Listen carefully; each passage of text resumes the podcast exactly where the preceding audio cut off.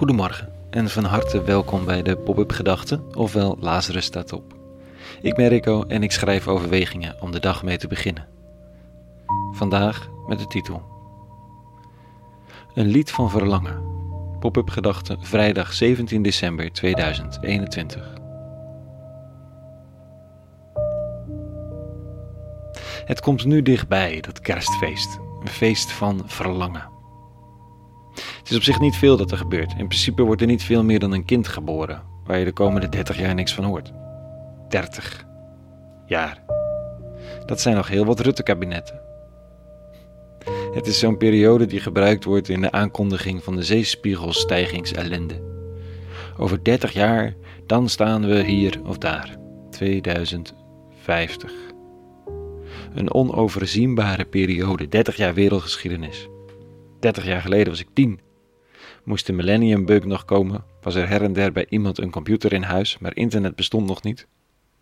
Internet bestond nog niet, mobiele telefoons niet. 30 jaar geleden was een soort stenen tijdperk, als je het zo bekijkt. Wat betekent dat 2021 het stenen tijdperk is van 2050? We hebben echt geen idee. En toch gaan we maar kerst vieren. Want als er hoop geboren wordt, ook al horen we van het jochje daarna nog even helemaal niks, dan moet dat gevierd. Ook al kan het 30 jaar duren, of nog veel langer. Vandaag een lied van verlangen. Het is, het de psalm uit de lezingen. En zo aan het eind van de week misschien deze gewoon maar eens even helemaal lezen. Dit staat er. Geef, o God, uw wetten aan de koning, uw gerechtigheid aan de koning zo. Mogen hij uw volk rechtvaardig besturen, uw arme volk naar recht en wet. De bergen zullen de vrede brengen, de heuvelen gerechtigheid voor het volk. Mogen hij recht doen aan de zwakken, redding bieden aan de armen. Mogen in zijn dagen de rechtvaardigen bloeien, de vrede wereldwijd zijn tot de maan niet meer bestaat. Mogen hij heersen van zee tot zee, van de grote rivier tot de einden der aarde. Zijn naam zal eeuwig bestaan, zijn naam zal voortleven zolang de zon zal schijnen.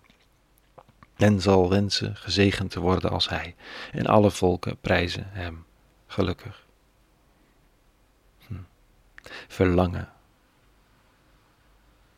Terwijl in deze dagen een regeerakkoord wordt doorbesproken en er fel wordt gereageerd door de oppositie over een ongewenst verklaring van mensen zonder papieren.